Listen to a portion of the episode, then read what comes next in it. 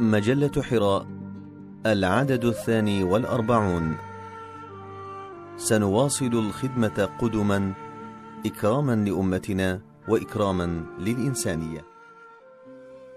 حوار مع الأستاذ فتح الله جلن الجزء الرابع.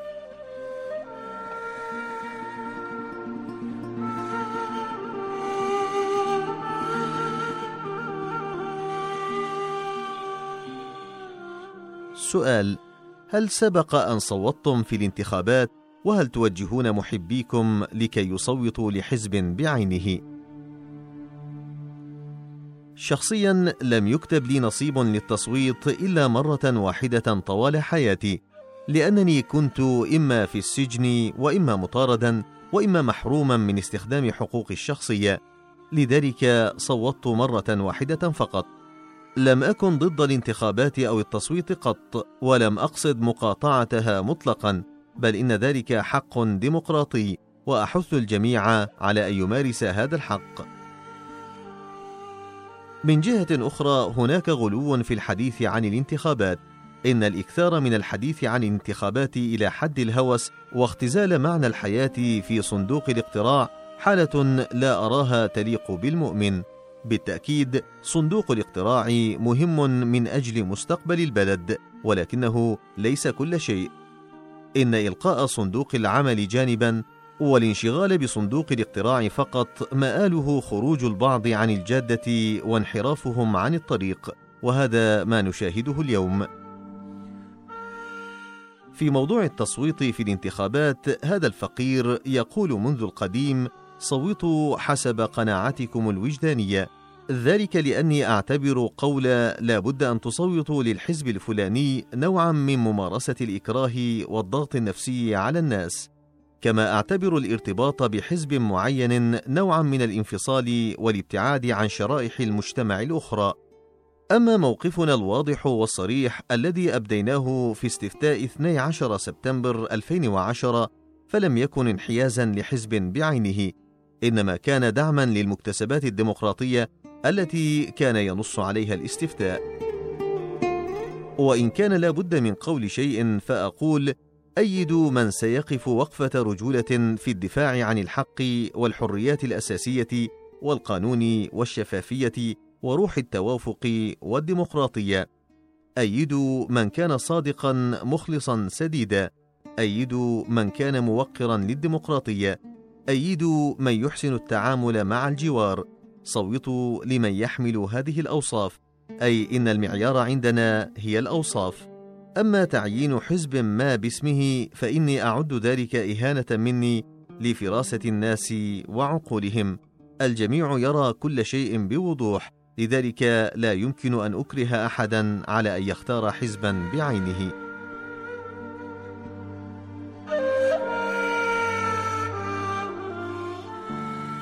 سؤال. بعد اتهامات رئيس الوزراء الخدمة بالمنظمة الإجرامية هل يمكن أن نقول إن تحالفكم قد بلغ نهايته؟ إن تحالفنا كان حول القيم الإنسانية والمبادئ الكونية ولقد دعمنا الإصلاحات الديمقراطية التي قام بها حزب العدالة والتنمية طوال مدة حكمه.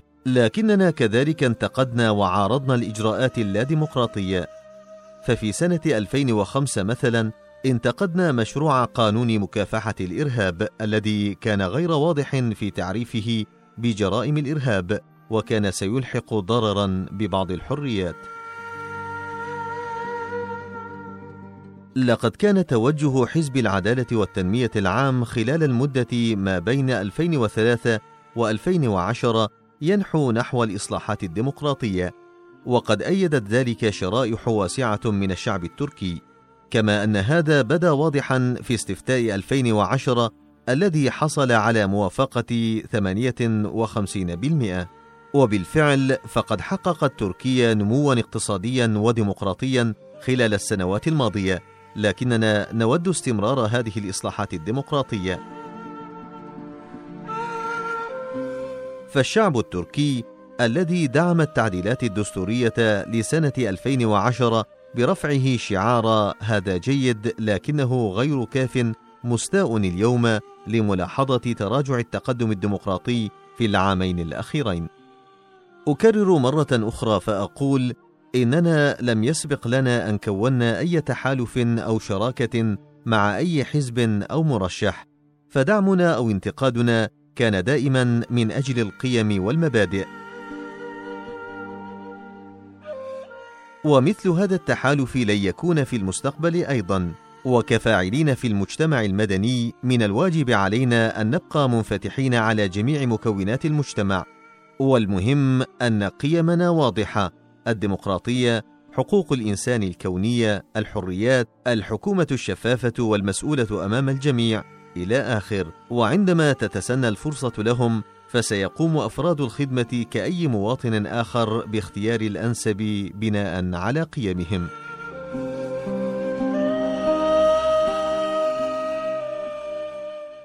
سؤال يقولون لماذا تعارضون الآن حزبا تحالفتم معه طيلة اثنتي عشرة سنة؟ ألم تكن بينكما مصلحة مشتركة؟ ألم تكن بينكما مصلحة مشتركة؟ لم نتحالف مع أي حزب سياسي على أساس مصلحي أبدا. حافظنا دائما على استغنائنا لأن الدروس التي أفدنا من القرآن والسنة كانت تقتضي ذلك. دائما ما اعتبرت السعي إلى المناصب والمساومة من أجلها خيانة للمبادئ التي آمنا بها. لا أقول شيئا حول اجتهادات الآخرين وأفكارهم فلكل رأيه واجتهاده. ولكن دائما نظرت إلى طلب الدنيا ورغبة الحصول على الإعجاب والشهرة على أنها خطر على آخرتي وكذلك على إخواني. نحن لم نطلب قط إدارة عامة ولا منصب محافظ ولا وزارة. وإذا كان بيننا من طلبوا ذلك إلا أني لا أتذكر شيئا من هذا القبيل فليسوا منا. وإن وجدوا سابقا فلم يبق أحد منهم بيننا اليوم. وقد بينت رؤيتي هذه لرجال الدولة مرارا. نحن حاولنا بإخلاص نحن حاولنا وبإخلاص تقديم الدعم اللازم لتطوير الديمقراطية والحقوق والحريات الأساسية وما شاكل ذلك. علما بأننا ندعم كل حزب يسعى إلى إنهاء الممارسات غير الديمقراطية وإحلال ثقافة الديمقراطية التعددية. من هذا المنطلق نقول إن التحزب الأعمى شيء ومؤازرة الإجراءات الديمقراطية شيء آخر. نحن نقف اليوم في المكان نفسه الذي وقفنا فيه بالأمس. أما من بدل مكانه فهو من يجب النظر إليه. تركيا مع الأسف بدأت تنفصم عن العالم وتنعزل. إن دولة كتركيا إذا فقدت ثراءها الديمقراطي وانكفأت على ذاتها لا تضر شعبها فقط بل تضر كل من اعتبرها نموذجا مثاليا له وعلق عليها آماله.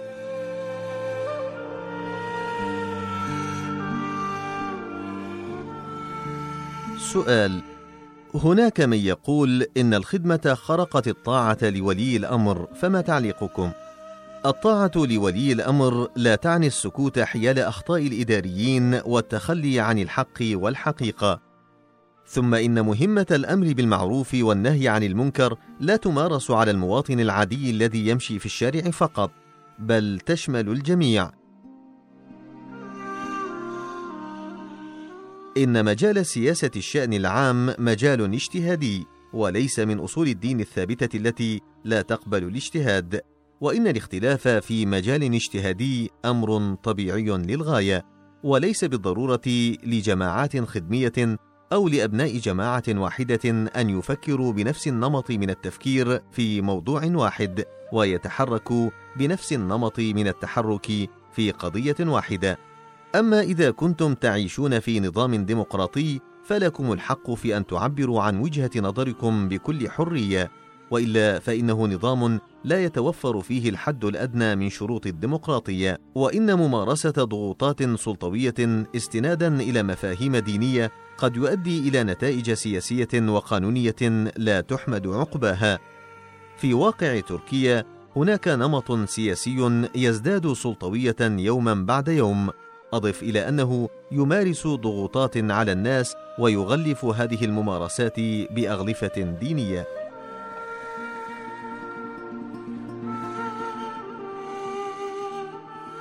للأسف الشديد كانت القضية في منتهى البساطة حيث طرحت للنقاش بعض التصرفات السلبية التي بدت في جانب السلطة التنفيذية وكان بالإمكان مناقشتها وتلافيها ولكن ضخمت المسائل وفسرت خطأ وحملت من المعاني ما لا تحتمل وتم إعلان حرب عقدية ضد جماعة معينة وأعلن نفير عام ضدها حتى إنهم أوصلوا الموضوع إلى حملة إبادة جماعية وحملة تكفير منظمة ضدها. هؤلاء الذين يهتفون في وجوهنا أن لا تثيروا فتنة أليس من واجبهم أن يسدوا النصيحة نفسها إلى القائمين على أمر الحكومة والذين اعتادوا إمطار الأبرياء بالشتم والإهانة في الساحات العامة؟ إن اناسا لا يجرؤون على إسداء أدنى نصيحة بل لا يجرؤون حتى على أن يومئوا إيماءة نصح لرجال الحكومة ناهيك عن توجيه انتقاد لا تعني أقوالهم سوى ضربات مدمرة لهذه الحركة المباركة التي أصبح للأسف تحقيرها وإهانتها أرخص بضاعة وأسهل عمل.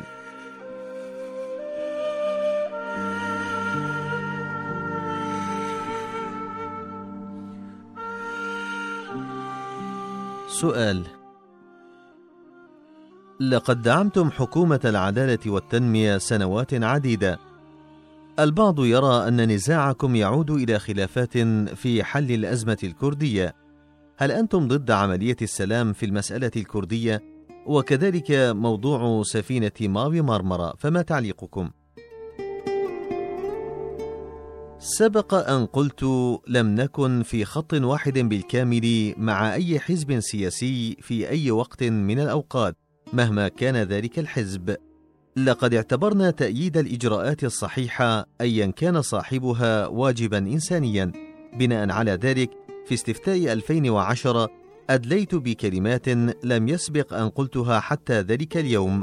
قلت إنه استفتاء من أجل الديمقراطية وعلى الجميع أن يقول نعم للتغيير أي إن مجلس القضاء الأعلى والمدعين العموميين ينبغي أن يتشكل وفق إطار ديمقراطي. أجل لكن لم أكن أقول تلك العبارات لأول مرة بل قبل عشرين عاما سبق أن قلت الديمقراطية مرحلة ينبغي ألا نرجع عنها فثاروا في وجهي وأقاموا قيامة أيضا هؤلاء الذين يكتبون اليوم ضدي فاحتجوا قائلين ما معنى هذا الكلام؟ وهل من صلة بين الإسلام والديمقراطية؟ ولكن فيما بعد قالوا أكثر مما قلت وذهبوا في ذلك بعيدا وقالوا إنه يمكن التفكير في أنماط أخرى كذلك. ومن ثم فتشابه المواقف مع حزب ما لا يعني أننا في خط واحد. ولكن إذا رأينا أنهم يمثلون في إجراءاتهم جزءا من المعقولية المعقولية من الناحية الحقوقية والمعقولية من الناحية الديمقراطية والمعقولية من ناحية خدمة الأمة والإيجابية في بناء علاقات طيبة مع دول الجوار فقد نبدو متشاركين معهم في هذه المواقف وقد نظهر معا في نفس الصورة. أما الأصل فإنه لم يكن لنا أي صلة مع أي حزب سياسي ما عدا التصويت في الانتخابات ولم يكن لنا أطماع في السلطة ولم ندخل في مساومات سياسية مع أحد أبدا وإلا فلو أردنا ذلك لوجهنا اناسا في ذلك الاتجاه ولشكلوا العمود الفقري لذلك الحزب ولكانت هناك أصوات أخرى لكننا لم نرغب في ذلك قط لم يكن لنا طموح سياسي أبدا. عملية السلام في المسألة الكردية. أكدت مرارا أن مكان المسلم إلى جانب الصلح دائما فالمسلم رمز الصلح والسلام. الحقيقة أن مشاكل المنطقة أي جنوبي شرقي تركيا تلك قد تراكمت عبر عقود وقد كان السعي لحلها يتم بالسلاح دائما. وبطبيعة الحال كبرت المشكلة وتفاقمت. أما الآن فقد دخلنا في مرحلة صلح وتهدئة ويجب الا نعطل هذه المرحلة. لأنها فرصة كبيرة لكي يعيد الطرفان النظر في الأخطاء التي ارتكبت وينسوا العداوة فيما بينهم. نحن كمجتمع مدني دعمنا عملية السلام قبل الحكومة بزمن طويل. ما يقوم به هذا الفقير مجرد تشجيع. سبق أن قدمت للحكومة مقترحات مكتوبة. قلت فيها إنه يجب بسط أجنحة الرعاية على المنطقة. يجب رعاية المنطقة على الصعيد التربوي والصعيد الصحي والصعيد الديني والصعيد الثقافي إلى آخر. عليكم أن تشملوهم برعايتكم لأن الناس هناك تعرضوا لمظالم كثيرة. بادروا وإلا فسيضخمون المشاكل هناك ويورثونها الأجيال القادمة. ولكن للأسف لم يولي أي منهم الموضوع اهتماما. وعند ذلك شجع هذا الفقير الإخوة والأصدقاء والمحبين والمتعاطفين على العمل فأسسوا مدارس عديدة ومعاهد كثيرة لإعداد الطلاب للجامعات والثانويات وحاولوا أن يقطعوا طريق الصعود إلى الجبال عبر إقامة أنشطة تربوية هذا ما حدث فعلا. ولكن الغريب أنه لجأ البعض إلى تشويه سمعتنا وروجوا أننا ضد عملية السلام. كلا أبدا. ولكن مقاربتنا لحل المسألة كانت مختلفة فنحن ارتأينا أن يكون الحل من خلال التربية والتعليم ومن خلال تأسيس روح التوافق والاتفاق وكذلك من خلال استثمارات اقتصادية تساعد على إزالة الفقر في المنطقة وسارت الأنشطة في ذلك الاتجاه بالفعل. ولم تقتصر هذه الأعمال على الداخل التركي بل انتقلت إلى شمال العراق كذلك والإخوة أقاموا هنالك نفس الخدمات. أنا لم أذهب ولم أرى المنجزات شخصيا ولكن ما تم هناك عمل ملحمي بحق. إننا كأمة نعاني من ثلاث مشاكل كبرى وقد أشار إليها الأستاذ بديع الزمان سعيد النرسي قبل قرن من الزمان. وهي الجهل والفقر والتفرقة. وقد نتج عن هذه المشاكل اليأس والحيلة والغدر وعدم الثقة. وبالتالي يجب أن نتناول كل هذه المشاكل في منتدى مشترك وأرضية توافقية. ولا يمكن للمعالجات التكبرية أو النظر من عال أن تحل هذه المشاكل أبدا. وإذا كانت هناك رغبة في إيجاد حل وسط فلن يتأتى ذلك إلا عبر مقاربة توافقية تشمل برعايتها كافة أجزاء المنطقة وكافة أبنائها مهما كانت أفكارهم واتجاهاتهم وانتماءاتهم.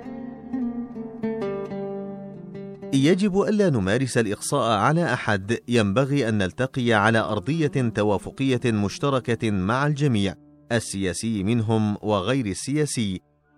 علينا أن نتيح الفرصة لأبناء تلك المنطقة لكي يتمكنوا من حل مشاكلهم بأنفسهم. وإذا ما وقع تباطؤ أو تهاون في هذه الأمور فأخشى أن تتوقف مسيرة الحل وتثور المشاكل من جديد. ينبغي أن نعمل على إدخال الطمأنينة والأمن والسعادة والاستقرار في نفوس أبناء المنطقة. علينا أن نسعى إلى توفير مناخ آمن يتيح إمكانية التعايش السلمي لجميع أبناء المنطقة بكردها وسنيها وعلويها وعربيها وسريانيها كأنهم أعضاء أسرة واحدة. حقيقة الأمر أن افتراءات تلصق بالخدمة وتحدث تجاوزات واعتداءات. ورغم ذلك فالصواب الذي آمنا به وارتأيناه هو أن نقف كما وقف جلال الدين الرومي إذ كانت إحدى رجلينا في قلب عالمنا الفكري وصلب ثوابتنا وغايتنا السامية والرجل الأخرى فتحناها للإنسانية كافة واحتضنا الجميع. هذه هي الفلسفة التي نؤمن بها. هذه خلقنا وهذه هي رؤيتنا إزاء الجميع جميع الناس. ومن يعرف هذا الفقير عن قرب يشهد على ذلك يقينا.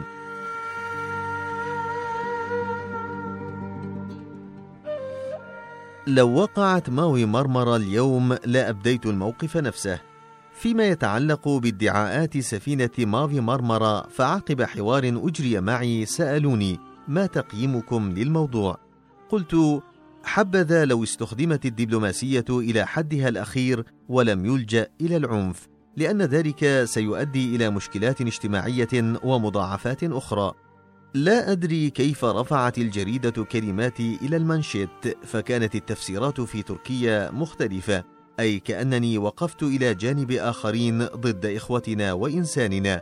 ولكن لا إنما أبديت قناعتي تلك حتى لا تحدث مشكلات أخرى. ولو حدث الشيء نفسه اليوم لأبديت نفس الملاحظات. في رأيي ينبغي أن تستخدم الدبلوماسية حتى النهاية وينبغي ألا يدفع الناس إلى الجبهة لتسفك دماؤهم وتزهق أرواحهم. هذا ما أردت أن أقوله حينئذ.